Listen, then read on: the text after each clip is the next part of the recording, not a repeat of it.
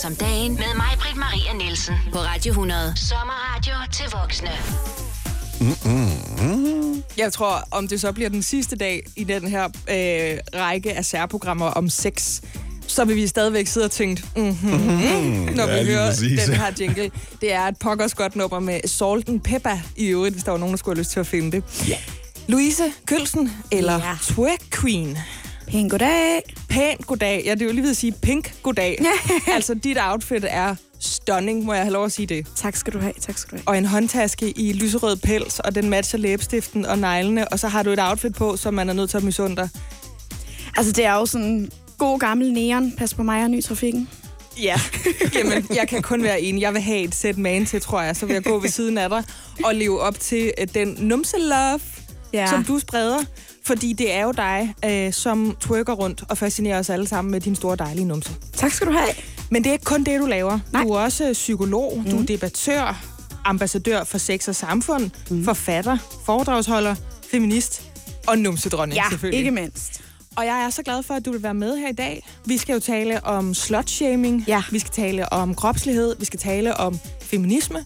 Og så skal vi tale en lille smule om, hvad der sker på din Instagram-profil. og så håber jeg, at vi frem imod klokken 12 har fået lært mig, måske Og- også dig, Rolf, Ja, at ja. twerke. Ja. Hvis vi Jo, jo, kan jo, jo. Bordet fanger Rolf. det, det har Rolf ikke hørt, vi har aftalt det her. I hvert fald så er det her øh, femte udgave af Sex om dagen i dag med Louise Kølsen. Velkommen til. Det, her, det var Roxette og Fading Like a Flower. Vi er i gang med sex om dagen. Fredag. Absolut. Absolut. Og jeg, og jeg vil sige, der bliver ikke fadet herinde. Fordi vi har altså stadigvæk øh, en skøn medvært i dag. Min gæst, Louise Kølsen, twerk queen. Øh, og for dem, der er i tvivl, dem er der måske to af. Og hvis nogen af dem, øh, de hører radio lige nu, så ind og google og finde ud af lige præcis, hvorfor jeg siger, at der ikke bliver fadet herinde. Du ser fantastisk ud, Louise. Tak skal du have. Øh, jeg synes, du giver mig lyst til at gå på klub. Ja, Og, øh, og det kan danse, vi da bare gøre og danse bagefter. med den booty. Men du har også lovet mig, at det vil du gerne lære mig, inden Ja. du kommer ud af studiet i dag. Ja. Jeg synes jo nok, jeg har redskaberne. Mm. Jeg har måske bare ikke færdighederne endnu. Men så er der et, øh, kan man sige, twerk-potentiale at arbejde med. Og det er jo, det er jo meget det, jeg gør, ikke? Det er jeg så glad for. Inden vi når til twerking, så skal vi igennem noget, der er mindre spændende øh, og mindre øh, brugbart.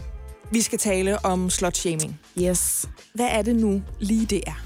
Jamen, slutshaming, det er sådan en systematisk udskamning af, øhm, af altså især de feminine væsener i samfundet.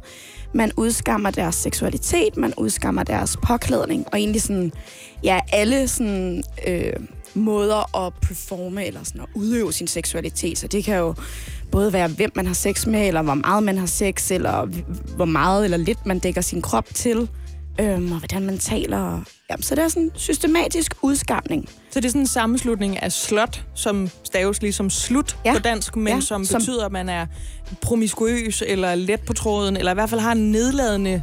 Ja, jeg øh, vil nok egentlig oversætte det til luder, Ja, det kan øhm, vi også. som jo er lidt mit ekspertise, da jeg jo har skrevet bogen Luder Manifestet sammen med to andre skønne piger. Og, øhm, og det er lidt det samme begreb her i Danmark. Altså luder bliver brugt øh, i Danmark, sådan som slot bliver brugt i engelsktalende lande. Og så er der shaming, som er vel... Det kan vi oversætte til Udskamning. Ja. Hvorfor, øh, hvorfor er der nogen, der slutshamer eller luderudskammer Ja. øh, feminine væsener? Hvad får man ud af det? Jamen, altså hvis man krasser lidt i overfladen, fordi at tror, hvis man, hvis man sådan spørger ind til sådan, hvorfor gør du det? Nå, men det er fordi, hun er rigtig billig, eller det er fordi, hun udstiller sig selv, eller altså... Men hvis man græsser lidt i overfladen af, hvad handler det her egentlig om? Så handler det jo om, at, øh, at der er nogle sociale spilleregler, som gælder for kvinder og feminine væsener, som ikke gælder for mænd. Altså for eksempel det her med, at øhm, VIVE-rapporten fra 2018 Ja. ja. sidste år viste jo, at det stadig er en gængs ting blandt gymnasieelever, at, øh, at hvis kvinder eller piger har haft sex med mange, så er de nogle luder, men hvis drenge har haft sex med mange, så er de seje. Så det er den her dobbeltstandard, der er.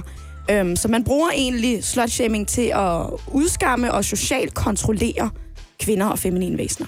De der spilleregler, ikke? Ja. Dem skal vi have manet i jorden. Ja. Yeah. Det er øh, naivt at tro, vi kan gøre det på tre timer, men guderne skal vide, at vi har tænkt os at gøre et forsøg. Ja, tak. Vi skal til de der forpulede spilleregler, mm. Lise Kølsen, fordi ja. øh, vi kan godt sige, og det tror jeg, jeg tror ikke engang, jeg synes, det er en holdning. Jeg tror mere, det er sådan helt øh, konstaterbart, at mænd og kvinder, de skal opføre sig forskelligt, hvis Ja. de skal leve op til de klassiske øh, kønsnormer og Ja. kønsrollemønstre. Særligt, når vi mødes i kærlighedens og i romantikkens navn. Mm. Vi har lige talt om, at øh, hvis kvinder de har været i seng med mange, eller de hylder øh, deres eget sexliv, eller er, gud forbyde det, højrystet omkring mm. det, så er de nogle sluts, altså mm. så er de nogle luder, og så kan de blive slutshamed. Og hvis mænd gør det samme, øh, så er de nogle værre fandens karle. Ja, Du siger blandt Det er andet fakta. til mig... det, det er rent fakta. det viser, Jamen, det viser videnskaben jo. det skal ikke debatteres, det skal accepteres. synes vi lige nu herinde i hvert Nej, fald. men det viser VIVE-rapporten. Det er fakta. det er fakta. Men så siger du til mig, Ja. dick pics, Ja. altså et billede med en tidsmand på, som man ikke har bedt om. Ja, jeg skulle, her, vigtigt. Ja, som man ikke har efterspurgt. Man Ja. ja. har ikke henvendt sig til en øh, viril ung mand og sagt, du Jørgen, Ja. ja. du tænkte at affotografere dine nedre par dele, og så sender du det til mig, og så skal jeg nok komme med en anmeldelse. Mm. Det er ikke det, der er sket. Man har simpelthen fået et billede af Jørgens dealer, uden man på noget tidspunkt har sagt til Jørgen, at det var man interesseret i. Mm. Det siger du til mig. Det er faktisk også slutshaming. Ja, eller i hvert fald sådan hele i- ideen bag, ikke? Fordi altså nu, jeg har en mappe med over 100 dick pics, jeg har modtaget uden samtykke. Øhm, og de her mænd, de sender jo bare nærbilleder ud af deres kønsdel til alle mulige og umulige øh, kvinder, som aldrig har bedt om det, uden de på noget tidspunkt tænker, øh, og det, det kunne da være, at det kunne bide mig i røven senere, eller det der job som advokat, det er måske lidt svært at få, hvis det er, at, at det her ligger på internettet. Ja. Hvorimod, altså unge piger, øhm, der er blevet udsat for det her, vi kan kalde hævnporno, eller, eller billeddeling uden samtykke. Det kan være, at de har delt noget med nogen, de var fortrolige med, som så er blevet delt uden deres samtykke, eller de har fået hacket deres internet-accounts. De får delt de her billeder, og så får de simpelthen at vide, at de er nogle luder, og de er billige, og altså udsat for den her massive udskamning. Ja. Og det gør, at der er flere af de her piger, der simpelthen er udtalt, at de har været, altså overvejet selvmord. Så hvis man lige holder det op imod hinanden, at unge piger, som, som faktisk altså mod deres vilje, har fået delt nøgenbilleder, øh, for at vide, at de ikke er gode nok altså, til, at, til at være en del af vores samfund, hvorimod unge mænd sender nærbilleder ud hver dag, uden på noget tidspunkt at tænke over, at det kan røre dem, så siger det jo, eller viser meget fint, hvordan vi på ingen måde er seksuelt ligestillet i 2019. Man kan sige, det der er så underligt, det er, at er der aldrig nogensinde i hele mit 30-årige liv faldet mig ind og tage et nærbillede af, af min vulva, Ja, og så sende det til nogen som helst, uanset Nej. om der kommer et flot filt over, eller hvad sådan noget.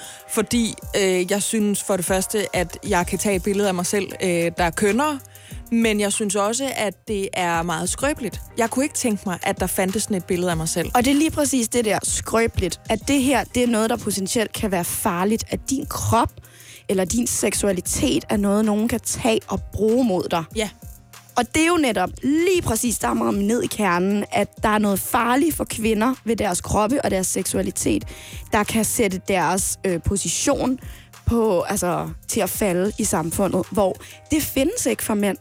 Ja, og det kan burde give- jo ikke findes for kvinder heller. så længe at kvinder i hvert fald kan føle, at det er en ydmygelse, at de billeder, de findes af dem. Ja. Subsidiært med, at der bliver sendt uh, tissemandsbilleder rundt, som ingen har bedt om, ja. så er der jo i hvert fald en eller anden ubalance. Og det kan jeg faktisk godt, når du forklarer det på den måde, så kan jeg faktisk godt se, hvorfor man kan sige til syvende og sidst, jamen så er det slutshaming, fordi så er vi ikke ligestillet, når det kommer til billedet, uh, et billede af et, et skridt i hvert fald. Radio 100, hvor vi er i gang med sex om dagen, og det er noget med... Slutshaming. Ja, Og hvis der er noget, vi ikke er i gang med, Nej. så er det med med det. Nej, det er vi ikke. Vi har fået konstateret, hvad det er, Ja. hvorfor det sker, mm. øh, typisk for hvem det sker, af kvinder, der øh, har en seksualitet, som de bilder sig ind, at de kan skilte med. Ja. Men vi skal tale om, hvordan man så kan bryde fri af det, og så skal vi også tale om de erfaringer, du har med at blive slutshamed. Ja. Hvad vil du helst starte med? Lad os starte med at bryde fri. Ja. Den er vigtig. ja. Den er Kom virkelig med. essentiel, ikke? Hvordan Altså, filen brister man sig fri af det her? jamen, jeg tror for mig, så handlede det rigtig meget om at gennemskue mekanismerne bag. Altså det der med, når, når, når der er nogen, der skriver til mig, altså typisk unge piger, ikke? skriver online, du er luder. Så i starten var jeg sådan, nej, det er virkelig ubehageligt, og det har jeg da ikke lyst til at blive kaldt, eller hvordan skal jeg undgå det her? Mm. Og det, man kan sige, det er netop den ubehag, der er magten bag ordet. Ja. Fordi de har magten til at få mig til at føle noget. De ved, at de til hver en tid kan Ja. tække ind på telefonen og give dig en eller anden form for angst eller grim oplevelse i hvert Ja, fald. altså en, en afstraffelse faktisk. Ikke? Ja. Nu har du gjort noget, der brød reglerne i samfundet. Nu kalder vi dig luder. Ja. Og det er jo egentlig for mig netop det, det handler om. At de kigger på mig og siger, om du gør noget, du ikke, ikke skal. Gode kvinder skal ikke stille sig op og snakke om sex. Eller gode kvinder skal ikke stille sig op og snakke om noget. Mm. Gode kvinder skal ikke være uenige. Gode kvinder, øhm, altså man kan blive kaldt luder for at have sex med dem, man har lyst til. Men man kan også blive kaldt luder, hvis man siger nej tak til sex med en fyr, ikke? Så er man også en luder. Altså så, så luder, øh, kan man sige, kartoteket er utrolig bredt, og det bliver altid brugt til at sige, nu gjorde du noget forkert. Mm. Skam dig, nu er du en dårlig kvinde.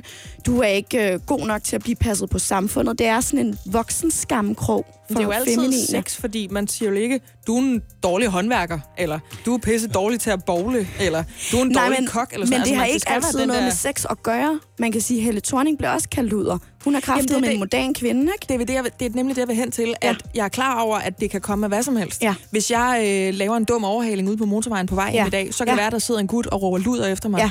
Det ved han ikke en skid om, men det er det værste ja. ord, han kan finde, fordi Lige det har en præcis. seksuel påhæftning. Ikke? Fordi det fjerner din værdi som menneske. Det betyder, at du nu er uden for... Altså, du er sat i skamkrog. Men hvordan Du- kommer vi ud af det, Lys? Ja, og, og det man skal gøre jo, det er jo netop, at man skal fjerne den magt. Man skal sørge for, at der er ingen, der har magten til at regulere din adfærd. Så det jeg gjorde, det var, at jeg sagde, okay, men hvis en luder er en, der har sex med dem, hun har lyst til, og siger sin mening, og tager det tøj på, hun har lyst til, så er jeg en luder. Fint nok, så er jeg en kæmpe stor luder, og det har det egentlig fint med. Hvad så? Hvad har du mere? Og så blev folk online sådan, øh, øh, øh, du, du, hvad? Du vil gerne være luder? Jeg har lige sagt, du er en luder. Please reager på det. Og så er jeg sådan, nej, det er fint. Og det fjerner totalt den magt. Så det er netop det der med at gennemskue, hvad er det, folk gerne vil have ud af det her, og så give dem det. Du skal ikke give dem reaktionen, for de skal ikke have den magt over dit liv. Og så er det jo selvfølgelig også om søstersolidaritet, ikke? Stille sig hen ved siden af nogen og sige, "Nå, men hvis hun er en luder, så er jeg også en luder. Der er Ja. ikke noget vejen med at være en luder. Ja. What's your fucking problem? Kommer, alle sammen kommer og være en luder sammen med ja. os. Vi har det faktisk ja. sjovere, for vi gør, hvad vi har lyst til. Lidt ligesom man har gjort med slutwalks. Ja. Ja. Sige, hey, luder, fedt, det er vi alle sammen. Skal vi ikke være lidt mere luder, for det er faktisk sjovt herovre på luderholdet. Når du siger, at det også er mænd, der slutshamer for at opdrage de der kvinder, der ja. Enten ikke vil noget med dem, eller ikke vil nok, eller vil det forkerte, eller siger Ja. noget om dem, eller hvad de nu vil, eller Er ikke det en vil. fin balancegang? Ja, ja, for pokker. Det er en knivsæk og diller, man øh, spacerer på her. Men nu siger du også, at der også er unge piger. Der er Der masser af kvinder, der slutshamer. Det er fandme ikke særlig søsteragtigt. Nej, det er det ikke. Men det er jo, altså for, for lige at blive endnu mere upopulær, ikke for at nævne, den, den anden store fælde, der er feminisme, som folks hjerner eksploderer over, så er der jo selvfølgelig islam, som folks hjerner eksploderer over. Mm-hmm. Men det er det, vi beder øh, muslimer om at gøre, når der har været terror. Vi siger, du skal lige tage aktivt afstand fra det her. Du skal lige sige, jeg er ikke enig. Og når unge piger online, de ser mig, og så, så identificerer de, hun bryder en hel masse regler, som vi godt ved, at gode kvinder, i situationstegn, mm. skal overholde. Så skynder de sig lige at pege fingeren og sige, hun er forkert, og jeg er ikke enig. Fordi de er skide bange for, at der er nogen, der peger på dem og siger, du er forkert. Okay, så det er dybest set en afstandstagen, ja. hvis der var nogen, der skulle henregne dem til den måde, du er kvinde på. Det er ligesom et liv i frygt. Hvor kan man have travlt som ung dame, hvis man, hvis man gør sådan noget, var? Og gammel dame. Sex om dagen. Med mig, Britt Maria Nielsen. På Radio 100. Kun for voksne. Carly Minogue og Can Get You Out of My Head her på Radio 100. Og også can't sometimes not get you out of my indbakke. Fordi vi snakker jo om uh, dick pics, ja. Eller øh, kan man sige... øh, Dillerbilleder. løst- Dillerbilleder, ja, løst oversat. Uh, og, og især i den kontekst, uh, når der ikke er nogen, der som sådan har efterspurgt dem. Mm. Louise øh, Kølsen, eller Twerk Queen, som vi også kender dig som, mm-hmm. øh, hun har en hel mappe jo af dem på, øh, Flot på, sin, på sin telefon, Rolf. Øh, jeg har fået et dick pic Ja. øh, i hele mit liv. Det Og, lyder dejligt. øh, jamen, det var... Altså, tissemanden fejlede Altså ikke, nej, ikke sådan. at få det, kun Nej. at have et. Det lyder dejligt. Jeg tror, han var glad for den tissemand, han havde. Jeg kan også godt forstå, at han kunne have lyst til at tage et billede af den, men filmen knækker for mig, der hvor man sender den til en kvinde, der ikke har bedt om at få et billede af den. Ja. Jeg forestiller mig, at det er sådan lidt tissemands ekvivalenten til at køre i en gammel smadret øse med vinduerne helt rullet ned, og så høre virkelig høj techno i håbet om, at der er nogle bitches, der bare kaster sig ind på bagsædet. Hvilket der bare aldrig er. Jamen, det, jeg tror måske, det må være sket én gang Nej, i verdenshistorien. nej, nej. Fordi de mænd, de må ikke. jo have hørt et eller andet Nej. sted fra, at det kan kvinder rigtig Prøv, at, der godt blev lide. faktisk lavet et studie forleden, hvor, jeg kan ikke huske, hvem der lavede det, men øh, hvor det blev spurgt rundt, hvor der var en succesrate på dick pics på 0 procent. Men hvad? 0. Og så er det jo så netop det, jeg gerne vil frem til, ikke? Ja. Det virker ikke at høre Boden Anders så højt, at der kommer blod ud af ørerne på en, imens man kører igennem Ringsted Hovedgade. Det virker heller ikke at sende Nej. dick pics. Hvorfor gør de det så, Louise? Men det er fordi dick pics ikke handler om, om lyst eller flirt. Det er fordi dick pics, det handler jo om, altså kan man sige, magt og manglende empati. Altså fordi nu har, jeg, øh, nu har jeg snakket med en del af dem, der har sendt de her dick pics. Jeg har sågar mødt en i et tv-program med Abdel, hvor jeg sidder ansigt til ansigt med ham. Og det der, det, der mangler online, er jo den her øh, empatien. Den her, hvordan må det er modtage? Har du lyst til det her? Tjekker lige ind med det menneske. Ja, nej, whatever, ikke? Mm. Fordi det er jo bare, jeg er liderlig. Jeg kan godt lide det her. Bang, jeg sender afsted. Er det fordi, det gør en mand eller nogle mænd, vi skal passe på ikke at generalisere, Ja, ja. der er også Hashtag nogen, der godt not all not men. all men. Gør det nogle mænd mere liderlige at forestille sig, at det er uafvægeligt for kvinden at se den tissemand, uanset om hun reagerer positivt på det eller ej? Er det det? Altså jeg vil sige, når jeg har snakket med, det har så hovedsageligt været unge drenge, øh, hvorfor de gør det her, så siger de en af to ting. De siger enten, det her det gør jeg, fordi det er det, drenge gør. Altså sådan en super ærgerlig maskulinitetsideal at blive opdraget til. Ja. Øh, jeg smider min seksualitet ind i hovedet på folk, fordi grænseoverskridende adfærd er det, der definerer mig som Det er der mand. sgu ikke nogen møder, der har opdraget deres teenage-dreng til. Det tror jeg ikke. Nej, så det spændende er, hvor har de fået det fra? Mm. Øh, fordi det er jo egentlig unge, sympatiske mænd. Det er jo ikke fordi, at... Altså, i starten tænkte jeg, at du er skingerne sindssyg. Mm. Men så kunne jeg ligesom godt huske fra statistik og noget med normalfordeling, så mange kan der ikke være, der er skingerne sindssyge. Så den ene forklaring er, at det tror drengene, det er bare noget mænd eller drenge det gør. er et rigtig ærgerligt maskulinitetsideal, det her med grænseoverskridende adfærd. Men det andet, det er, og så kommer vi fint tilbage til slutshamingen, øh, og det har jeg fået at vide mange gange. Det beder du selv om, når du lægger de billeder op, som du gør. Øhm, du er også nøgen, og, øh, og derfor så er det en invitation til min dealer. Men har du lagt et billede op, hvor du står med sådan en plakat, hvor du står, please send et billede af din dealer til mig? tak. Nej, lige præcis ikke. Okay, om så tror jeg godt, vi kan sige, det beder du ikke selv om. Men mindre du laver, hvad er det for en film, hvor han banker på, og så står han med de der papskilte med en Det er kærlighedserklæring? Love Actually. Love Actually. Er det, tror de, det er en form for dick actually? er det Men det? Jeg erindrer bare ikke, at jeg har stået hjemme hos over 100 unge mænd, banket på deres dør, spillet musik fra en lille ghettoblaster, og så haft nogle skilte, hvor der siger, please show me your dick. Og så, øh, Now. når far Lars kommer ud og siger, ja, er Andreas hjemme? Bare fordi jeg skal lige, jeg skal lige have ham til at vise mig noget. Okay, jamen så langt, så godt. Lad være med at sende dick pics til kvinder, hvis de ikke meget eftertrykkeligt har bedt om dem. Kan ja. vi sige det? Eller alle, ikke? Ja, nogen som helst. Ah. Særligt. Ja. Til gengæld så har vi den rigtige twerk queen ja. herinde Ja, i studiet. Øh, Den nye, den gamle, den ægte, den eneste. Den eneste. Ja. Louise Kølsen. Øh, du er jo også psykolog. Øh, ja. Ikke nok med, at du er øh, altså afgiver af det, du kalder booty love. Ja. Øh, og det må man sige, du er. Du ja. er meget vibrant omkring de her emner, og jeg er glad for, at du vil være i studiet og tale om slutshaming og feminisme øh, og dine erfaringer med begge ja. dele med mig. Men jeg sidder og undrer mig over, om du har øh, altså moder Teresas tålmodighed inden i dig også, fordi du har lige sagt, at når du har fået dick pic, og Ja. dem har du fået omkring 100 stykker af, hvis Mm. ikke mere, ikke? Øh, så kontakter du nogle gange dem, der har afsendt dick pic. Ja. og så snakker du med dem om, hvorfor de har gjort det. Ja. Er det fordi, du er en, en psykolog, der dybest set bare elsker mennesker, og dem, der opfører sig af helvede til, eller hvad handler det om? Mm, for det første, så er jeg faktisk et super utålmodigt menneske. Så slet ikke noget mod der Teresa herover. Men Okay. jeg tror, det er sådan en nysgerrighed. Og måske netop også altså den der psykolog-nysgerrighed i, øh, jeg kan godt aflæse, hvad du gør, men jeg er interesseret, eller sådan meget psykologagtigt, jeg er nysgerrig på. Ja. Hvorfor gør du det her? Hvad er dine motiver? Hvad er dine intentioner? Hvad er det egentlig, du forsøger at formidle ud i verden? Ja. Og, øhm, og som sagt, så startede jeg egentlig bare med at være rigtig vred på de her dick pics, og være sådan, hvad fanden tror du, du laver? Og give dem en sviner, og så blokere dem. Ja. Og så på et tidspunkt, så var jeg sådan, de, kan ikke alle sammen være øh, han, han skroløs. Der må være et eller andet, der ligger bag. Og så blev jeg nysgerrig på det, og så begyndte jeg at spørge ind til, hvad, øh, hvor, hvorfor sender du det her? Hvorfor tror du, jeg vil have det? Eller sådan, har du tænkt over, hvordan det er at modtage? Ja. Og så var der rigtig mange, der ligesom bare, de vidste godt, det var ikke så godt det her, så de slettede bare deres profiler og forsvandt. Men der var som sagt nogle enkelte, der gik i dialog. Og jeg vil sige, jeg har taget det skridtet videre. Øhm, For at bruge det udtryk. ja, no pun intended. men, øhm, men for nylig fik jeg en, det var så sådan en ret seksuel, eksplicit besked, jeg heller ikke havde bedt om, fra en ung fyr, der skrev, øh, hej, jeg bor lige på den anden side af gaden af dig. Skal jeg komme forbi, så, jeg kan lave, så du kan lave tricks på min pik? Hold da op. Og, øhm, og man kan sige, altså det, sådan nogle beskeder får jeg hele tiden. Men Med- det lå, med sådan- det lå i luften, at han skulle ikke komme forbi. Nej, der var mere det der med, øh, du bor på den anden side. Okay, så er der et Åh, nyt ja. skridt. En ting er, at du skriver noget seksuelt øh, Ja. voldsomt, men du ved, hvor jeg bor. Jeg har en hemmelig adresse, fordi at folk er lidt sindssyge. Mhm. Mm. Øhm, og du ved, hvor jeg bor, og du har faktisk overvejet at komme forbi. Altså, der er nogle, noget handling. Ja. Og der havde jeg det sådan... Jeg, jeg, så, han havde lavet sådan en semi-hemmelig profil, men brugte sit eget navn. Lad os sige, han hed Sune Hansen. Mm. Så jeg googlede Sune Hansen om mit øh, gadenavn, og jeg kunne se, at han boede faktisk på den anden side af gaden. Oh. Og han kunne fra sit vindue kigge ind i mit vindue. Øh, og det, det følte jeg, det var ubehageligt, og det var invaderende i mit privatliv.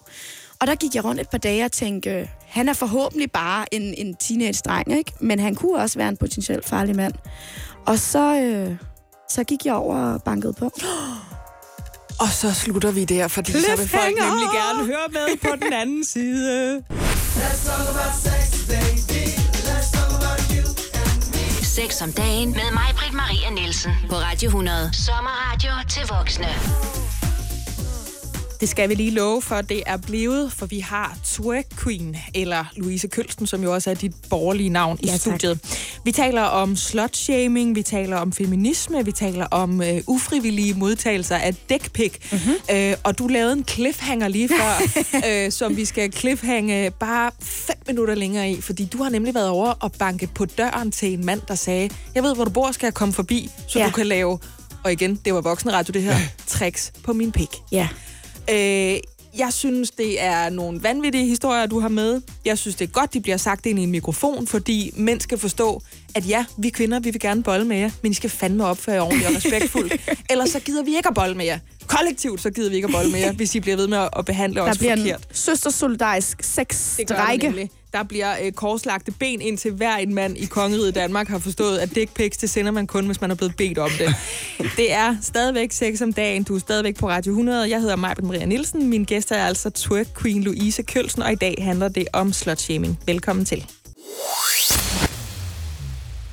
Twerk Queen Louise Kølsen. Nu skal du altså udfri os, fordi nu har vi siddet fuldstændig, øh, jeg vil lige sige, saftspændte i kvarter og ventet på afslutningen på historien Ja. om ham den skøre mand, Ja. som sagde, at han boede over for dig, mm-hmm. om han skulle komme forbi dig og Ja. lave, nej, så du kunne lave Ja. tricks på hans pik. Ja. Og hvad gjorde du så? Jamen altså, jeg gik rundt et par dage og havde det rigtig ubehageligt med den her sådan invasion i min egen lejlighed. Og så øh, en aften, der kunne jeg se, der var lys derovre. Og så tænkte jeg kraftet med nej, at jeg skal være bange i mit eget hjem. Og så netop tænkte jeg, det er så meget nemmere, når man lige mødes ansigt til ansigt. Som mennesker, så kan jeg måske lige forklare ham, at når han sender det her, øhm, så gør det mig faktisk rigtig bange. Fordi jeg ved ikke, hvad hans intentioner er, men jeg aflæser det som en trussel. Øh, Øh, for der ligger noget i, ja. at jeg er meget tæt på dig. Jeg ved, hvor du er. Ja, ja. det han siger i min verden er, jeg ved, hvor du bor, og jeg har sgu overvejet at komme forbi. Og Ja. det synes jeg er ubehageligt. Jamen, det er det også. Øhm, så jeg, altså, man kan sige, derude, I skal nok lige ringe til nogen og sige, går der over, eller tage en ven med, eller et eller andet. Jeg er sådan, øh, jeg er sådan lidt spontan, så jeg var sådan, nu gør jeg det kraftedeme, og så bor jeg på Nørrebro, så jeg var sådan, skulle man lige tage en køkkenkniv med, in case alt går galt. Men det gjorde jeg ikke, fordi der er knivforbud. Det er jungleloven, der Ja, ja. der. Så um, det gjorde jeg så Men... ikke. Jeg tænkte, øh, jeg, jeg krydser fingre og håber på det bedste. Og så øh, gik jeg over, og så ringede jeg på dørtelefonen, hvor hans navn så ikke stod. Så jeg var lidt sådan, Nå, men det, altså, det var her. Og så er der så en dame, der svarer i dørtelefonen. Så jeg tænker sådan helt, Altså fra hans lejlighed? ja. Så jeg tænker, min første tanke er, åh, hvis det her det er hans kæreste, Ja. så håber jeg ikke, hun er typen, der siger, fuck dig, Lud, og det er din egen skyld. Så jeg op, altså jeg var sådan, hej, øh, bor Sune Hansen her? Og hun var sådan, ja, øh, hvem er det? Og jeg var sådan, øhm, Vi skal lige huske at sige, det er et alias-navn. det er et alias, det er ikke ja. hans rigtige navn. Ja. Og så, øh, så sagde jeg sådan, er det måske lige lidt nemmere, at jeg kommer op? Og hun var sådan, ja. Og så på vej op ad trappen, så scrollede jeg som en insane, for jeg tænkte, jeg skal have det her screenshot, Ja. så det ikke er sådan ord mod ord. Og så, øhm, så stod der så en, altså lidt ældre dame, end hvad jeg havde regnet med i døren. Ja. Øh, rigtig sød, lidt forvirret. Ja. Og var sådan, ah, og jeg fik vist det her, jeg fik forklaret, og det viste sig så, at øhm, det var hans mor. Fordi øh. Sune Hansen, han var 14 år gammel. Og han var faktisk ikke hjemme, for han var lige taget over til sin far. Øh, de var skilt, men øh, Ja. hun smed ret hurtigt armene op i vejret og sagde, jeg ved jo ikke, hvad min søn laver Nej. online, men Nej. det her skal han i hvert fald ikke lave. Nej, nej. Og så lavede vi faktisk en aftale om, at jeg skulle komme tilbage, når han kom hjem, og have en snak med ham. Men øhm, Cool mom. ja, virkelig high five derude, fordi ja. altså, jeg vil sige, nu har, jeg, nu har jeg taget fat i en del møder efterhånden, og det er den gængse reaktion. Ja. Det er ligesom kvinder, der siger, jeg ved godt, hvor nederen det her er. Det skal min søn selvfølgelig ikke gå ud og lave. Vi har lige en ommer her, fordi at han skal jo selvfølgelig behandle kvinder som mennesker. Gjorde du også så det? online. Kom du tilbage, da han var kommet hjem? Ja, for det er så tog Sunes far den så med ham. Øh, så jeg fik en meget fin besked med Sune, der sagde rigtig meget undskyld, og han var en dum teenager, og han vidste slet ikke, hvad han lavede inde på min profil. Og, og så skrev jeg så en, øh, faktisk et blogindlæg, fordi jeg tænkte, det, det er en god lille pædagogisk perle at lige dele, hvordan man kan møde hinanden, og også forklare Sune, hvorfor det er problematisk, det Ja, her. Ikke? ja. Fordi jeg er jo et menneske, og jeg skal gerne have et valg om, hvad jeg får ind i Fordi hovedet. du jo Ikke? faktisk er et rigtigt menneske af kød og blod. ja. Det her rigtige menneske af kød og blod har jeg i øvrigt lagt i uh, vores story på radio100.dk inde Med på Instagram. Mit samtykke. Øh, med dit samtykke. En anden ting, man altid skal huske øh, at indhente, inden man tager billeder af hinanden. Mhm. Mm-hmm. Så øh, hvis der er nogen, der kunne tænke sig at se, hvordan en øh, frigjort kvinde med booty love, hun ser ud øh, klokken kvart over 10 om morgenen, så er det altså ind på radio.dk øh, på Instagram og kigge lige nu. Dizzy Miss Lizzy. 11.07 p.m. Jeg kunne faktisk godt finde på at synge med på den her, som jeg snakker om lige før. Jamen, den er også god. Den Ja, er god. den er jeg kan virkelig god. huske, øh, da jeg var, jeg vil lige sige, da jeg var ung, der skal man passe på, når man er 30, for så er man Mm. formentlig stadig ung. Øh, der var det sådan en, øh, når festen var ved at være slut, så dem, der skulle øh, kysse, eller dem, der lige skulle ryge færdig ude i køkkenet, Var det den? det var lidt den, så vidste man godt. Sådan Ja. lidt ligesom, når man får øh, asparsuppen med kødboller ja. i et forsamlingshus i 80'erne. Nu, Nu må jeg godt skride. Ja. Så var det den her, der blev sat Ja. på, ikke? Ja. Gør jeg Øhm, færdig nu? Gør det, I skal ja, gå til den her præcis. fest. Der lukkes. Hende der, I skal have med hjem, det er nu, du går Ja. over og hiver Eller fat i ham der. Eller ham der, ja. Mm-hmm. Øh, en, der ikke skal gå, Nej. Louise, det er jo altså dig. Øh, Yay! både fordi øh, det bliver underlig radio at lave med dig, hvis du ikke er her, men også fordi vi skal til noget ret essentielt. Vi skal til noget booty love. Noget, Noget, som du virker til at glæde dig noget ret meget til. Jeg glæder mig rigtig meget, fordi du går jo altså også under navnet Twerk Queen. Ja. Øh, og det er jo, fordi du kan twerke, må Ja. vi nok have lov at sige. Ja. En øh, rytmisk praksis, Mhm. mm-hmm. hvor man bevæger øh, det kød, der de fleste af os kvinder får ondt.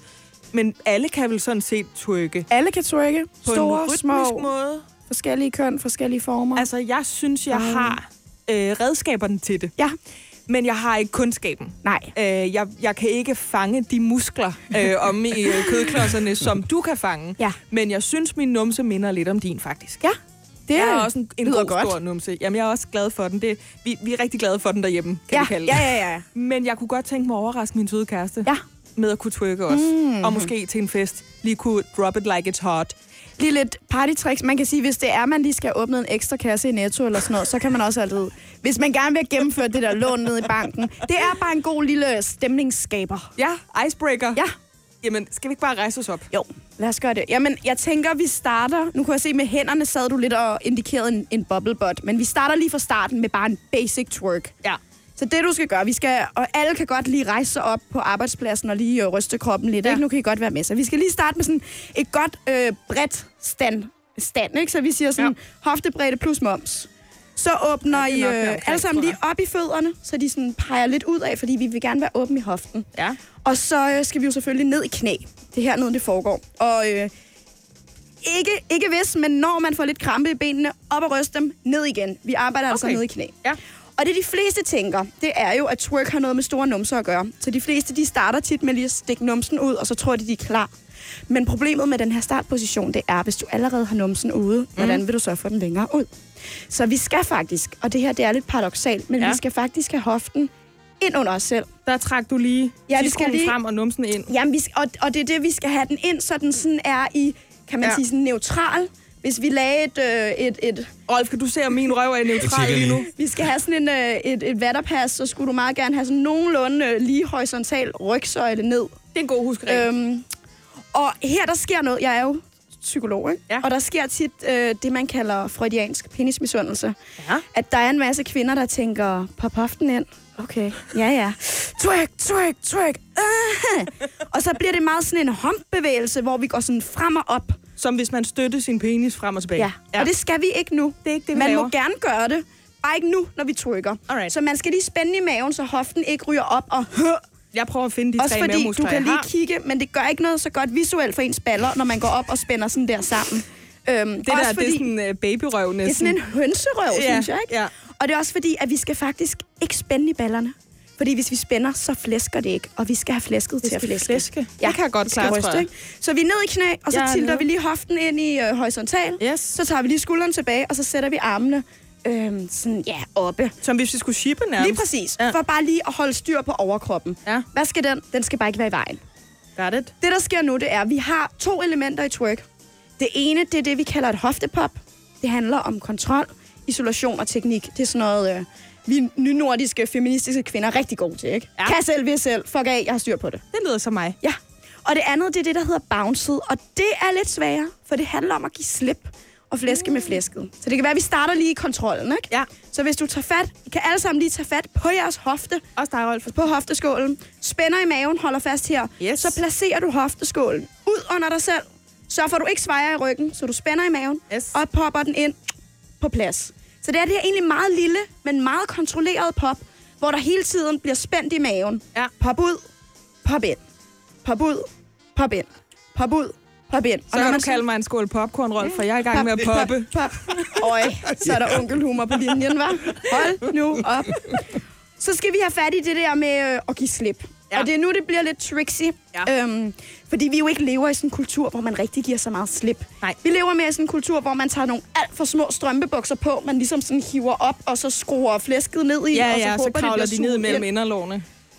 Og nu skal vi ligesom, øh, vi skal, vi skal slippe flæsket fri. Vi skal flæske med flæsket. Fordi det, det handler om nu, det er, at tyngdekraften skal tage fat i numsen og få den til at hoppe. Men spoiler alert, tyngdekraften er ikke selektiv. Så der kommer til at være andet, der flæsker. Jamen altså. Ja, skal vi have noget særlig musik til det her, så kan Rolf lige nu at forberede Ja, det. Rolf, du kunne godt sætte noget med noget sådan BPM omkring de der øh, 100. Kan du nå at, 100? kan du nå Noget, at øh, finde det til, til hvad om sådan noget 3-4 minutter? Ja, det kan jeg godt. Skal vi så ikke Det kan gøre jeg det? godt. Lad os gøre det, ja. Jeg er helt svedig allerede om Ja, numsen. ja. Ser man det? Ja, det gør man lidt. Okay. Det er det er Radio 100, 6 om dagen, hvor det lige nu handler om...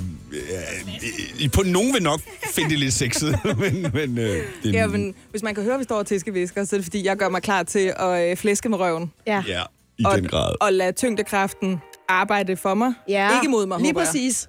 Gør din øh, bagdel til en fordel. Og så skulle vi have noget særlig øh, musik på, ikke? Jamen, jeg Ja. tænker, vi venter lige med det til, at ligesom finalen, ikke, når vi skal ægte trykke. Nu skal vi bare lige have bounced lidt ind i Okay, det. det kan vi også. Så bounced egentlig ret nemt. Altså, Ja. ja. Udover de der psykologiske ting med at lade, lade alt det på kroppen, der nu kan ryste, ryste, så skal man faktisk bare bukke knæene, og så rette sig op igen. Og så ligesom bare mærke effekten.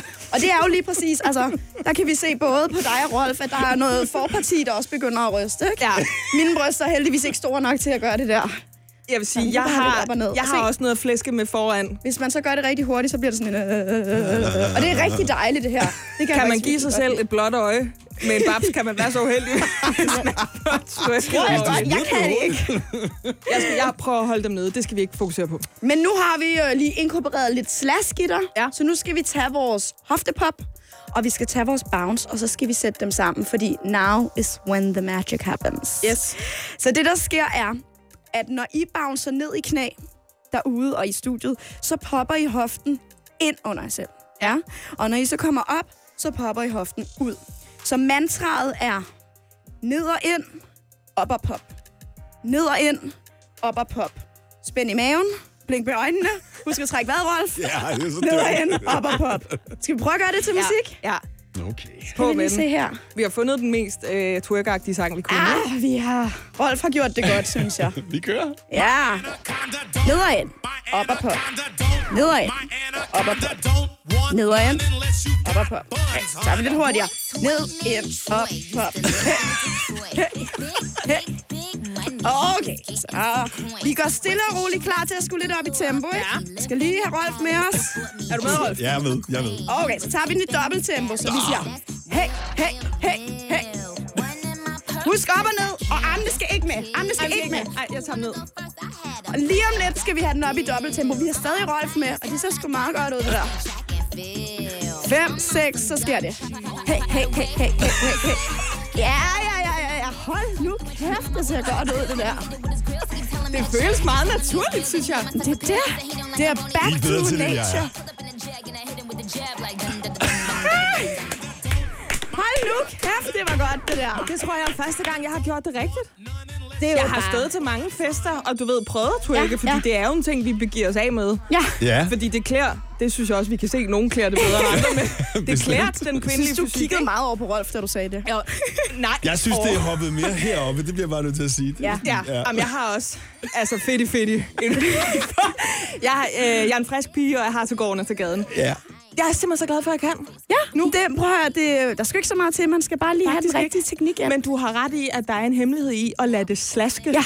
Altså at lade tyngdekraften arbejde Ja. med sig. Ja. Hvor man måske populært synes, den arbejder mod en Ja. nogle gange. Ikke? Og der vil jeg sige, at generelt, når, øh, når netop der kommer nogen ind og siger, at jeg har et godt bagparti, og nu skal jeg twerke, det øjeblik, de mærker, at deres lår flæsker, eller arme, eller mave, eller bryst, så går de fleste kvinder helt i, øh, Panik. Ja, fordi det må man ikke. Ej, det må det er ikke som om, jo. det er sådan en kollektiv hemmel. Altså for eksempel det her med, at vi har deller på maven, ikke? Ja. Det har de fleste mennesker. Altså selv modellerne, når de bukker sig ned, så folder maven. Fordi evolutionært er det mega smart, at maven kan folde, så vi kan ja, sådan Ja, ja. ja. Lego-figurer, der kun Men kan man bukke kan også lige sætte en konvolut, en sivekort i klemme eller et eller andet. Men det er måske, som om, det er sådan en underlig kollektiv hemmelighed. Ja. Ja. Oh my god, min mave folder. Men må jeg lige spørge om noget? Altså, nu har vi jo både øh, faktisk en kameramand i studiet. Hej til dig, Lukas. Og så har vi også en anden mand, nemlig vores øh, Rolf. Kan I ikke meget godt lide, at kvinder har noget at flæske med? Jeg er helt, helt klar til det. Altså, det er jo ikke sådan, at I kollektivt synes, at sådan må man ikke se ud, jo vel? Nej, jeg er Så er ikke nok. til øh, at- cykelstativstypen, som Altså, man kalder det. Æ, nu, nu vil jeg gerne lige lægge, så bliver der lige uh, bodyshamed lidt, fordi alle kroppe, for mig at se, er det netop ikke, at der er en, så er det godt, hvis man er sådan, eller det er for mig at se, at det alle kroppe er rigtige kroppe, Men det er det, der er min pointe. og at alle hvis man- kroppe kan twerke. Hvis man kan slaske, Ja. så skal man ikke have det som om, at dem, der er tyndere end en, er Nej. pænere, fordi mænd kan lide det hele. Ikke? Og vi er jo ikke kun kroppe for mænds skyld, vi er det jo heldigvis også for vores egen Ved du skyld. hvad? Jeg twerker for min egen skyld. Sådan. Ja, okay. Jeg skal, jeg skal lige... Uh, fucking sjovt. Ja, det er sjovt, og jeg skal nok også sige, hvad der er, der foregår. Det er bare fordi, vi snakker om det her, når man slasker, når man twerker, fordi vi snakker om slutshaming, om twerking, om kropspositivisme, om feminisme og alt, hvad man øh, skal snakke om, når man mm. har twerk queen Louise Kølsen i studiet. Jeg er helt svedig og helt forpustet, fordi øh, Fordi hun er vi lige... mere end bare snakker jo. Vi danser. Altså, vi, jeg har lært at twerke, og jeg har lært, at øh, tyngdekraften kan sagtens arbejde for en kvinde. Ja. Øh, den kan også give en et blåt øje med ens egen bryst lige op i ansigtet, hvis man er lidt barmfærd. Men at man faktisk også kan mærke en form for sådan, det kan godt se, hvad der er ved det twerking der, når man sådan lige får ens egen numse ned på baglåret, ja. Ja. fordi man twerker rigtigt. Øh, det vi griner af, det er egentlig bare, at vi snakker om, hvis man er lidt barmfærd, mm. Louise, og det er jeg jo Det kender jeg ikke til. øh, men det kender jeg til. Så kan man også godt mærke, øh, at det kan slaske andre steder, Ja. øh, når man trykker. Det tror jeg ikke er dårligt. Nej. Det er bare noget, man lige skal forholde sig. Abstra herfra. Abstraher fra Ja. ja. måske, at, at der er andre ting, der slasker. Måske lige tage et par beskyttelsesbriller på, eller noget, man skal lære at trykke. Og så kom vi simpelthen bare til lige at snakke om den gang, hvor jeg kørte over et bump på vejen på min cykel, så mit ene bryst hoppede ud af min BH. øh, og det opdagede jeg først, da jeg var kommet helt ned til Frederiksberg Center, hvor jeg så lige måtte proppe mit, øh, mit venstre babs og øh, dennes bryst, hvor det ned tilbage i BH'en igen. Men i hvert fald, så kan jeg twerke nu, og det er øh, din fortjeneste, Louise Kølsen. Tusind tak for det. You're so welcome. Hvorfor er det egentlig vigtigt, hvis man kan kalde det det, at ja. Jeg kan det, eller andre kvinder kan det? For du turnerer jo med det her. Du lærer jo kvinder Ja. at twerke. Og mænd. Der er mænd ikke noget Du har også lige kunstbegrænsning. lært Rolf. Det Ja, kan ja, ja, ja, lige præcis. Hvorfor gør du det? Jamen, altså, jeg har jo, kan man sige, taget twerk ud af den kontekst, hvor det øh, begrebet opstår i New Orleans i, i 1993, i bounce-kulturen, som er sådan en hiphop-kultur, men sådan dansen stammer altså fra Afrika. Ja. Øhm, og så har jeg ligesom plukket den her dans op, og så har jeg puttet den ind i sådan en, kan man sige, nynordisk, feministisk kontekst, og sagt, jeg synes twerk øh, er feminisme. Og det synes jeg, det skrev jeg blandt andet også mit speciale om i psykologi. Og det synes jeg, fordi øh, for det første, så, som du selv lige har oplevet, så twerk øh, validerer kroppe, som ikke normalt vil blive valideret. Twerk præsenterer ligesom en levende krop i bevægelse, som, som hopper og folder og blævrer og laver det, andre folk kalder appelsinhud, som jeg kalder life. Og, øh, ja og egentlig bare, jeg giver, giver noget kærlighed til nogle kroppe, der normalt ikke vil få lov til at få kærlighed i det ja. samfund, vi lever i. Så det udvider de kropsidealer, vi har. Ja. Så er twerk med til at skubbe lidt til grænserne for, hvordan man som kvinde kan præsentere sin seksualitet. Så det er jo en ret øh, voldsom in-your-face-seksualitet, som man normalt normativt vil sige tilhørt manden. Ja. Og så twerk øh, har det, der hedder et handlingspotentiale. Altså, der er noget magt i det. Et handlingspotentiale. Ja. Jamen, jeg vil sige, jeg føler mig faktisk øh, magtfuldt, og af en eller anden grund, så føltes det ret naturligt at gøre det. Ja. Jeg er glad for, at jeg kan det. Jeg er også rigtig glad for, at der er en af mine søde kolleger, der har filmet, at vi gjorde det, for det bliver til noget skønt indhold øh, på Facebook og på Instagram, så der Ja. kan man jo holde øje, hvis man har lyst.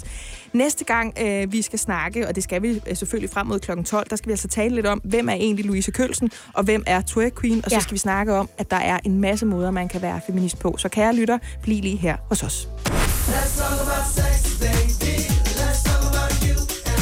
Sex om dagen med mig, Britt Maria Nielsen. På Radio 100. Sommerradio til voksne. Vi kommer aldrig til at holde op med at synge med på den der. nej. Og jeg har faktisk også lagt mærke til, uanset hvem der sidder i stolen over for mig og er medvært eller gæst her i Sex om dagen, så bliver der danset på den samme måde. Ja. Mm. Alle laver den der, hvor man sådan øh, øh, slow snapper på en måde, og man sådan bevæger overkroppen. Lige, lige præcis. Man bevæger måske i virkeligheden lidt den del af kroppen, vi ikke bevægede så meget, da vi lærte at twerke mm. lige før. Mm. Og tak for det i øvrigt stadigvæk. Selv tak, selv Hvis tak. man er i tvivl om, hvem det så kan være, der er gæstevært, så kan jeg sige, øh, at i dag der er det selvfølgelig twerk queen, ja. øh, hende selv. Altså Louise Kølsen, som jo ikke kun er numsedronning, men som også er psykolog, mm. debattør, også ambassadør for sex og samfund, øh, forfatter og mm. foredragsholder. Ja. Så det er en alsidig kvinde i et skønt pink sæt, øh, vi har med os herinde.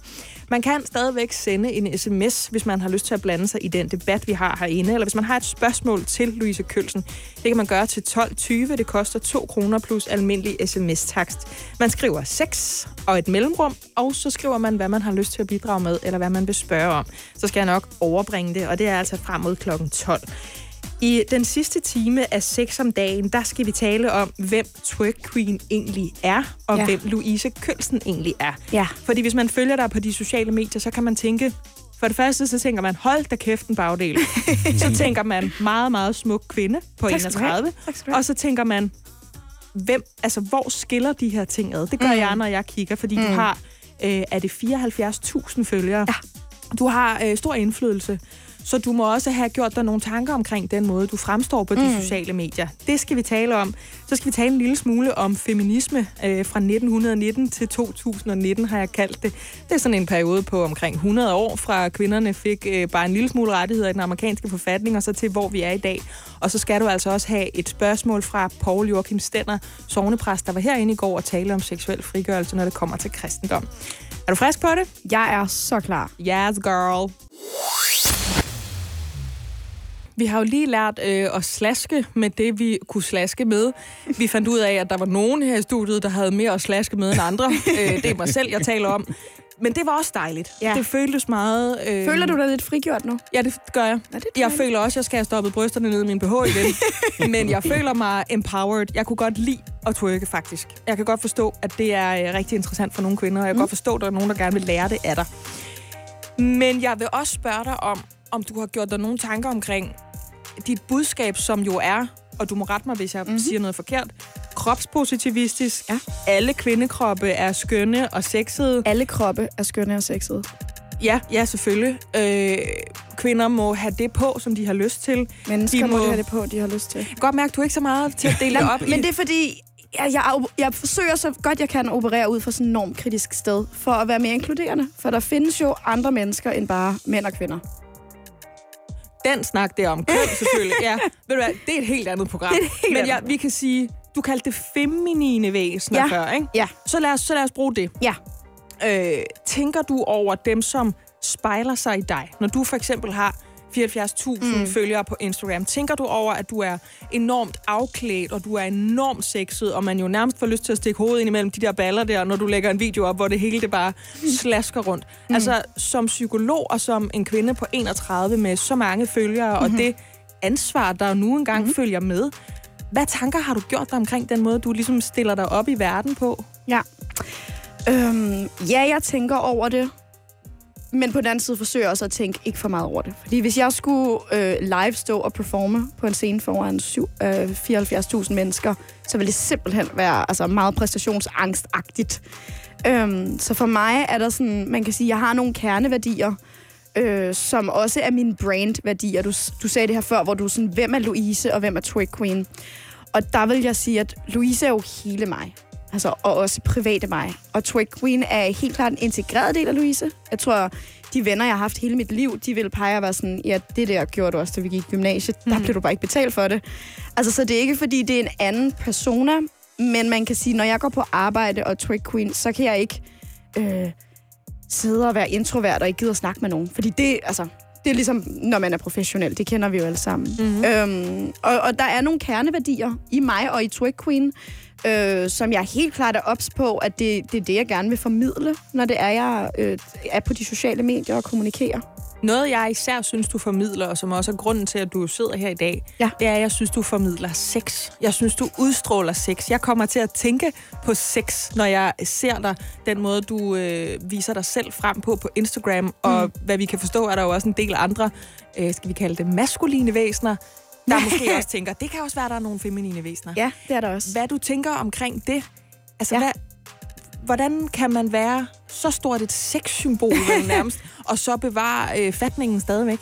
Jamen, fordi for mig er der ikke nogen øh, modsætningsforhold mellem det at være sexet, eller det at være et seksuelt væsen, og så det at blive taget seriøs, eller have en intelligens. Eller, altså, jeg synes ikke, jeg skal vælge mellem at være smuk og klog, eller sexet og seriøs. Jeg synes faktisk, at jeg som menneske godt kan rumme det hele. Og jeg tror for mig er, altså min seksualitet er en naturlig del af mig. Og jeg mener egentlig, at det er en menneskeret at få lov til at udtrykke sin seksualitet, som man nu har lyst til, så længe der selvfølgelig er samtykke, øh, hvis man gør det med andre. Så øh, altså jeg tror, hvis jeg havde været en mand, så vil der ingen have stillet spørgsmålstegn ved, at jeg godt kunne være nøgen og snakke om Foucault. Eller at jeg godt kunne altså, være charmerende og flytte øh, og, og samtidig blive taget seriøst. Altså det er igen meget den her dobbeltmoral omkring kvinder, at hvis en kvinde flytter i en professionel kontekst, så har hun knippet sig til tops. Og det, altså, det for mig, kan man sige, det er min hverdagsaktivisme, bare egentlig at være mig. Vi snakker om slutshaming, det har vi i hvert fald gjort. Mm. Vi taler om øh, store bouncende numser, booty love, øh, hvordan man øh, præsenterer sig selv på Instagram, og vi skal også nå at runde, øh, hvad for en slags feminisme det er, vi kæmper for. Det er stadigvæk Twerk Queen, der er i studiet, og vi snakker om det her med, hvordan man øh, stiller sig i verden, mm. især den digitale verden, og vi snakker om din Instagram-profil, øh, Louise. Ja. Tænker du over det her med, om du inspirerer andre øh, mennesker, der følger dig, til at være sexet? Altså jeg vil sige oprigtig, eller sådan oprindelig nej. Oprindeligt startet, altså jeg har aldrig sat mig ned og været sådan, nu skal jeg lave et feministisk og bodypositivistisk øh, projekt. Jeg gik ligesom bare ud i verden og var mig. Og så fik jeg nogle reaktioner på det, som var enten, øh, det må du ikke, eller det kan du ikke, eller også så var det, Nå, hvis du er det, så er du i hvert fald også det her, det her, det her. Og så var jeg sådan, altså selvfølgelig kan jeg det, og selvfølgelig er jeg ikke det.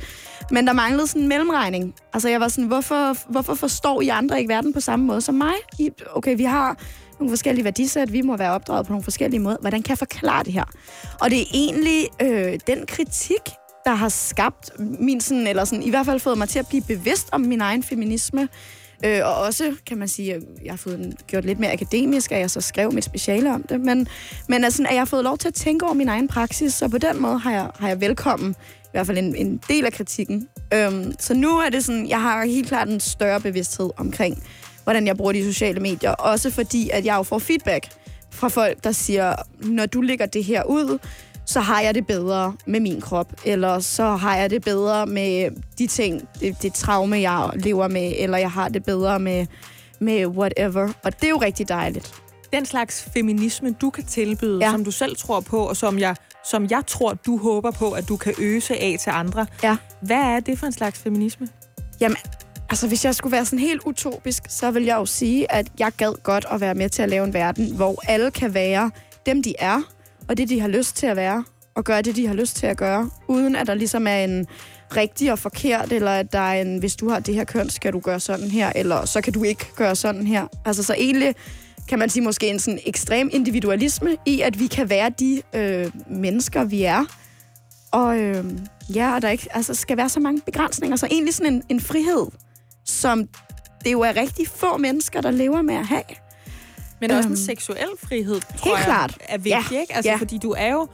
Du har jo selvfølgelig nogle budskaber, som, kan man sige, det er seksuelt, fordi man kan diskutere, om det er sexet, at altså lige rettigheder og ligestilling og sådan noget, det er jo en banal nødvendighed, mener mm. jeg. Mm. Men der er jo også noget af det, som, som du repræsenterer, som jeg virkelig mener, du udstråler, som jo bare er ja. sex, frigjorthed, ja. kropspositivisme, ja. som jo er de her volumøse, meget vibrante budskaber, som, som bliver akkompagneret af nogle billeder på din Instagram, ja. hvor altså, jeg tænker på sex, når jeg ja. ser på dig. Tak. I guess. Det, det lyder da dejligt, altså. Altså, ja, altså jeg vil sige, sex og seksuel frigørelse er nok mit hjertebarn. Øhm, og noget af det, jeg synes er fantastisk at snakke om, så tak, fordi jeg må komme og bruge en masse tid på at snakke om sex i dag. Det må du i hvert fald. Det er altid dejligt. Øhm, jamen, jeg har det meget sådan, altså, ja, jeg udstråler sex, og ja, øh, jeg, jeg vil sige, for mig er det også vigtigt at kunne sige, der er nøgenhed, og der er seksualitet, og de to ting hænger ikke nødvendigvis sammen. Nogle gange er jeg også bare nøgen, uden det for mig er sexet, fordi jeg er jo altid nøgen inden under mit tøj. Det er jo min krop. Ja. Altså, jeg går jo rundt og er nøgen i mit tøj, ja. så det vil være underligt, hvis... Eller, altså, jeg går i hvert fald ikke rundt og tænder på mig selv hele tiden. Noget af tiden, men ikke hele tiden. Øh, så lækker synes jeg ikke selv, jeg er. men, men altså, så den der adskilthed, men, men også netop, ja, jeg har lov til at være sexet. Og jeg har lov til at være seksuel, og jeg har lov til at performe eller at udøve min seksualitet for min skyld. Så når jeg lægger noget op, som er sexet eller seksuelt, så gør jeg det ikke med tankerne om, det skal mig, Britt, have, have det nice til, eller det er der andre, der skal have det nice til. Jeg er helt med på, at der er masser, der sikkert hiver sig selv i dilleren til mine billeder og videoer, og det skal de bare gøre. Det er så fint. Altså, jeg vil bare ikke være en del af det, fordi at der adskiller det lige lidt for mig med de forskellige sfærer. Det er ikke derfor, du gør det. Nej. Men det er fint, at det får den øh, Det må meget gerne have den effekt, og det må også meget gerne have den effekt, at der er nogen, der siger, Nå, men øh, hvis man kan være sådan der, og stadig være seriøs og sådan, så... Øh, altså for mig har det aldrig været et projekt, at alle skal være ligesom mig men mere, at når, hvis man kan se, Louise gør det på en lidt anden måde, end hvad opskriften er, så kan jeg måske gøre det på en tredje, eller fjerde, eller femte måde. Paul Joachim Stenner, der var min gæst i går, han er præst og går meget op i, at vi har et sundt sexliv, og så har ja. han også en holdning til den her øh, feministiske, mm, kan man sige, lidt ophedet klimadebat, der er lige nu. Ja. Han har stillet et spørgsmål til dig, Louise, som jeg ja. håber, du vil svare på lige om lidt. Uh. Sex om dagen på Radio 100. Det du kender, og det du vil vide. Sean Mendes. Nyt søndag. Vi stopper lige den der. Jamen, det var fordi, den faktisk skulle køre videre. Det er mig, der er en øh, idiot nu. Jeg beklager, men... Skal vi gøre, Rolf? Skal, skal vi... vi bare sige et eller andet kort? Det kan vi godt. Jeg synes, vi skal sige noget Jamen, kort. så lad os gøre det. Nu, er, nu har jeg jo ligesom... Jeg kan lige stille det der spørgsmål til dig, Louise. Ja. Fordi Paul Joachim Stenner, som er sovnepræst, han stillede jo dig et spørgsmål i går. Jeg har valgt at kalde det sexstafetten. Ja. Så er der en gæst, der stiller et spørgsmål til den efterfølgende gæst. Ja. Og han ved jo godt, jeg hjalp ham lidt. Jeg sagde, ja. det er ikke bare grebet ud af den blå luft. Jeg sagde, jeg skal tale om øhm, seksuel frigørelse med dig, men i morgen mm. der skal jeg tale om slutshaming, om feminisme. Vidste om... han godt, hvad slutshaming var? Det forklarede vi ham faktisk. Okay. Det vidste han faktisk ikke, men vi forklarede ham det, og så vidste han det jo godt lidt. Okay, ja, ja, ja. Og han stillede det spørgsmål, som du så lige kan sidde og tænke lidt over nu, som er, hvordan undgår vi, at mænd bliver tøffelhelte i det her ligestillingsfriheds... Ja, og du knirker lidt, men, men tænk, tænk på den, jeg, tænk, jeg tænker lige lidt på den. Har du fået øh, tænkt, ja, ja, ja, ja. Jeg blev lige rigtig træt, da du stillede jeg det der spørgsmål. Jeg se det på dig, at du var lige ved at tage en pyjamas på og lægge dig i vandret. ja. Og det blev du, fordi jeg stillede dig det spørgsmål, som sovnepræst og forfatter til bøger om sex, Paul Joachim Stender, han mm. stillede til dig i går. Det er mm. sexstafetten, hvor man stiller ja. et spørgsmål til verden, der kommer den efterfølgende gang. Øh, og han stillede det spørgsmål, der hedder, hvordan undgår vi, at mænd bliver tøffelhelte? Ej, og det stiller han jo. Oh. Ej, rejs dig lige op, Louise. Oh. Det stiller han jo, fordi vi snakker om ligestilling, ja. om feminisme ja. og om øh, rettigheder. Og jeg tror, han nåede at nævne det sådan, du ved, i efterkrigstiden fra MeToo og sådan noget. Men øh, har vi et svar til, øh, ja, til Paul? Helt, ja, men he, nu vågner jeg lige lidt op, fordi nu er det mig, der kommer på banen. Ikke? Ja. Grunden til, at jeg bliver træt, det er jo fordi, at Paul han laver den her, øh, synes jeg, rigtig underlige sammenslutning, men som er en rigtig gængs misforståelse, at ligestilling og feminisme, det er kun noget for kvinder. Det er som om, at han tænker det som en, øh, som en, sådan en lille tærte, at øh, ligestilling er, er en, en sum. En og, sum. og når nogen skal have noget, så er der nogen, der mister noget. Så mænd bliver tøffelhente af, at vi får mere ligestilling. Og det er jo, øh, undskyld Paul, men sindssygt dumt. Fordi det, Paul han misser her, det er jo, at ligestilling er jo for alle. Og jeg synes ikke, det er specielt øh, tøffelheldagtigt at få retten til at være sammen med sine børn, eller at altså lige nu har vi et kæmpe problem med, at øh, mænd er overrepræsenteret i depression og selvmordsstatistikker. Altså fordi vi har sådan en idé om, at rigtige mænd, de klarer deres problemer selv. Og det gælder altså bare ikke øh, prostatacancer eller depression for den sags skyld. Der må man gerne bede om hjælp. Så for mig at se er ligestilling en win-win-win for alle. Der er ikke nogen, der bliver tøffelhældt af, øh, at vi alle sammen får det bedre. Paul han tilsluttede sig faktisk, fordi jeg spurgte ham nemlig, om Jesus ville have været feminist, hvis han levede i 2019. Øh, og så øh, indskærpede vi feminist i den øh, udstrækning, at man gik ind for ligestilling imellem Ja. kønnene. Ja. Og det kunne han sagtens tilslutte sig. Det synes Ja. han var en rigtig god idé, og det var faktisk også en del af hans næste kærlige budskab, at Ja. vi skulle respektere hinanden. Ja. Det, som Paul Joachim Stenner han udfordrede, det var den der måde, som man måske ikke rigtig tør at lægge an på os kvinder mere på, fordi så kan vi sige, at det var et overgreb, eller så kan vi sige, at der ikke var samtykke, eller at den spænding, der kan være mellem kønnene, den kan man ligestille sig helt væk fra, så man mister Hvil, lysten hvilket igen er verdens største fejlslutning. Men en Ja. rigtig gængs øh, vandrehistorie, der får lov til at gå rundt derude.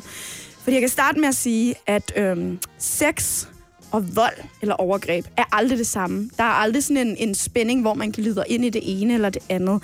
Så vi kan ikke...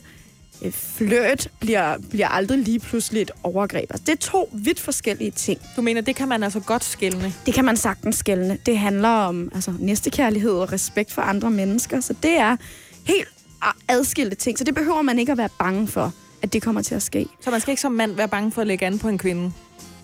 Nej, man skal behandle kvinder, ligesom man gør med alle mulige andre mennesker, med respekt, hvor man tjekker deres samtykke, og tjekker, at de også har lyst. Og så tænker jeg, så kunne vi også lige pådutte, at øh, der jo selvfølgelig ikke er sådan en gammeldags regel om, at det er mænd, der ligger an på kvinder. Kvinder ligger også an på mænd, og alle mulige andre køn ligger an på alle mulige andre. Så grunden til, at jeg bliver træt, det er, fordi vi igen er fanget i sådan nogle super gammeldags dogmer, som jeg egentlig ikke synes afspejler det samfund, jeg godt kunne tænke mig, vi skulle have i dag. Er du selv aktivt opsøgende, hvis du ser en, øh, Det må man vist nok sige ja til. en, en lækker en, du gerne vil have scoret? Det kan du tro, jeg er. Så langer du rask til. Prøv at høre, ain't nobody got time for waiting for that. Altså, jeg er et utålmodigt menneske, så jeg, jeg, jeg siger gerne øh, ja tak og til, og hey, hey, skulle vi drikke en kop kaffe? Og det kan du gøre, fordi du mener, at man er slet ikke i tvivl, hvis man er i gang med at begå et overgreb. Så man må gerne lægge an på nogen, selvom man ikke ved i forvejen, om de gerne vil lægges an på. Det handler jo om, hvordan vi ligger an på folk. Altså, der er rigtig meget forskel på at sige, ved du hvad, jeg synes bare, at du er den smukkeste person, jeg har set hele dagen, og så på at råbe, lækker fisse, ude på en vej. Lidt. Altså, det, smule, det, ja. vi kan alle sammen lide komplimenter. Det handler bare om, hvordan de bliver leveret. Så gør vi sådan, når vi lægger an på hinanden. Yes. Vi er stadigvæk i gang med de sexede spørgsmål. Du har lige besvaret øh, et, hvad du nok mener var et knap så sexet spørgsmål fra Paul Joachim Stenner, øh, øh, Louise Kjølsen, om, øh, undskyld, Kølsen, omkring, øh, hvordan vi kan undgå, at mænd bliver tøffelhelte, når ja. Vi ligestiller os, øh, måske til følge, at vi ligestiller os hele vejen ud af dobbeltsengen. Det mener du er noget pjat, det er overhovedet ikke tilfældet. Man Ej. kan sagtens kende forskel Prøv på spænding og på Ligestilling er overgreb. mega sexet. Men altså... noget andet, som nogle mennesker, ikke alle, må Ja. vi sige, men nogle mennesker synes er sexet, det er sådan noget som latex og Ja. gagballs Ja. og øh, BDMS og øh, hvad det hedder alt sammen. Sådan noget, hvor man får øh, lidt smerte påført sig, Ja, ja, ja. og så får man øh, et erotisk kick ud af det. Ja. Og en, der ved alt om det, øh, det er en kvinde, der kalder sig Domina Dark. Ja, Og hende får jeg besøg af på mandag. så sejt. Jeg ved faktisk, du kender hende. Ikke personligt, men jeg har jo jeg har set hende i tv hos Sabro, hvor hun snakkede om magt, og hvad det sådan... Ja, hendes position, kan man sige, handler rigtig meget om magt. Det må man sige. Altså, hun, øh, hun tager sig godt betalt for at smække mænd. Lad os sige det sådan. Og hun er sindssygt god til det. Ja. Øh, jeg har mødt hende herinde på redaktionen før, og jeg skrev Ja. til hende med det samme, da jeg fandt ud af, at jeg ville lave det her program. Hvad kunne du tænke dig at spørge en professionel dominer om, der altså udøver ren, rå seksuel magt over Ja. mænd hver dag ja. i, sin, Ja. øh, i sin torturkælder? Jamen, egentlig lidt inspireret af, at, altså, at jeg er sådan det der med mig selv, at jeg, som du siger, øh, udstråler sex, men at det, som du og andre opfatter som sex eller sexet for mig, ikke altid er det for mig selv. Så øhm, altså, jeg synes for eksempel ikke, for mig er det ikke sexet, når jeg trykker. Så kunne jeg egentlig rigtig godt tænke mig at høre øh, Dominion Dark om, sådan, hvornår hun selv føler sig sexet, eller sådan, hvornår hendes egen seksualitet er på spil, versus, øh, kan man sige, sådan, hendes arbejds, arbejdsseksualitet, hvis ja. Man kan kalde det det. Jeg forstår helt, hvor du vil hen. Det Så synes jeg vil skriver være her, rigtig spændende. Hvornår føler du dig selv sexet? Og Ja. ja. underspørgsmålet, hvordan skældner du imellem din arbejdsseksualitet ja. og din øh, private seksualitet? Ja. Det vil jeg rigtig gerne høre fra hende. Jeg sidder også og tænker på, jeg får også besøg af Denise Glasgaard, som er pornomodel ja. og virksomhedsejer og iværksætter. Øh, Det er ikke mere end en halvanden måned siden, hun har udgivet en film. Mm. Det kunne også være et godt spørgsmål til hende, hvordan Ja. hun skældner imellem sin private, øh, sin private seksualitet og sit Ja. sexliv for den Ja. sags skyld. Og så når hun er på arbejde. Ja. Så jeg tror lige, jeg noterer mig det her Den spørgsmål. kan du lige sende videre. Den kan jeg nemlig lige bruge, ja. Louise Kølsen, Ja. Twerk Queen. Ja. Vi er faktisk næsten igennem tre timer, hvor vi har talt om slutshaming, om feminisme, om kropspositivisme. Jeg kan næsten ikke sige det. Øh, men jeg kan godt forstå det, og jeg kan godt leve det, fordi jeg har lært øh, at flæske med Ja. mine baller. Jeg har lært at twerke. Jeg vil så også sige, at jeg flæskede også lidt foran, Ja. øh, fordi jeg er en øh, barmfærd kvinde. Ja. Men det skal jeg bare hylde og nyde, fordi Det skal du bare blive ved med. alle kroppe er gode kroppe. Ja. Og det at twerke, som jo er et af dine hjertebørn, seksuel frihed var også en af dine hjertebørn, Ja. øh, det er en, hvad var det, du kaldte det? En En, feministisk praksis. en feministisk praksis. Ja, Det var også en, Kan være det. en, en magtanvendelse Ja, på en måde, eller en, en- demonstration. Kan man sige en... en øhm, det kan åbne nogle døre. Altså, det gode eksempel er jo, at... Øh, Altså, hvis man får et håndtag i klemme i ballerne. Også det, rent lavpraktisk. Ja. Altså, jeg stod jo på øh, orange scene i en meget lille badedragt, og så fik jeg transformeret den opmærksomhed eller magt ind til at få lov at sidde for eksempel i Deadline og debattere politik. Så altså, det kan øh, Det må man sige. har et handlingspotentiale. Ja, det må man sige. Så kommer man i nærheden af, af magthaverne, fordi man kan twerke sig til indflydelse. Det er, det er et ret godt eksempel på ja. det. Louise Kølsen, du er psykolog, debattør, ambassadør for sex og samfund. Så er du forfatter til den bog, der hedder Ludermanifestet, som jeg i øvrigt har anmeldt og var rigtig Ja. glad for. Og, tak for den anmeldelse. Selvom jeg tror, jeg troede ikke, jeg ville være det, da Nej. jeg læste bogen, Nej. men, men jeg var faktisk glad for den, og den synes jeg godt, folk kan skæve til. Tak de- fordi du kunne kigge lidt ud over nogle fordomme, du måske kunne have haft. Og det skulle jeg, men Ja. jeg blev glad for, at jeg ja. gjorde det, så tak for det. Du er også foredragsholder, så Ja. er du selvfølgelig feminist, det Ja. kan ingen være i tvivl om. og så er du også numsedronning. Du er sexet på Instagram. Du var dejlig at have i radioen. Jeg håber, du får en god weekend, og øh, jeg vil gerne vide, hvor du har købt dit tøj henne. I Misguided. Og ja, ved du hvad, vi kan købe øh, matching sets. Det vil jeg simpelthen så gerne. Kan vi tage på twerk-turné sammen? Fordi vores numser minder lidt om hinanden, faktisk. Det kan man i øvrigt øh, selv få syn for savn for, hvis man vil. Øh, jeg har en kollega, der har været flink til at stå og filme, mens jeg lærte at twerke, og jeg ved, det kommer på Facebook og på Instagram inden så lang tid. Øh, Louise Kølsen, tak Ja. fordi du deltog i 6 om dagen. Ej. Ha' en dejlig weekend. Og til jer, kære lyttere, lyt med igen på mandag fra klokken 9. Der er det altså Domina Dark, der kommer i studiet og svinger pisken. God weekend. Sex om dagen. Med mig, Britt Maria Nielsen. På Radio 100. Kun for voksne.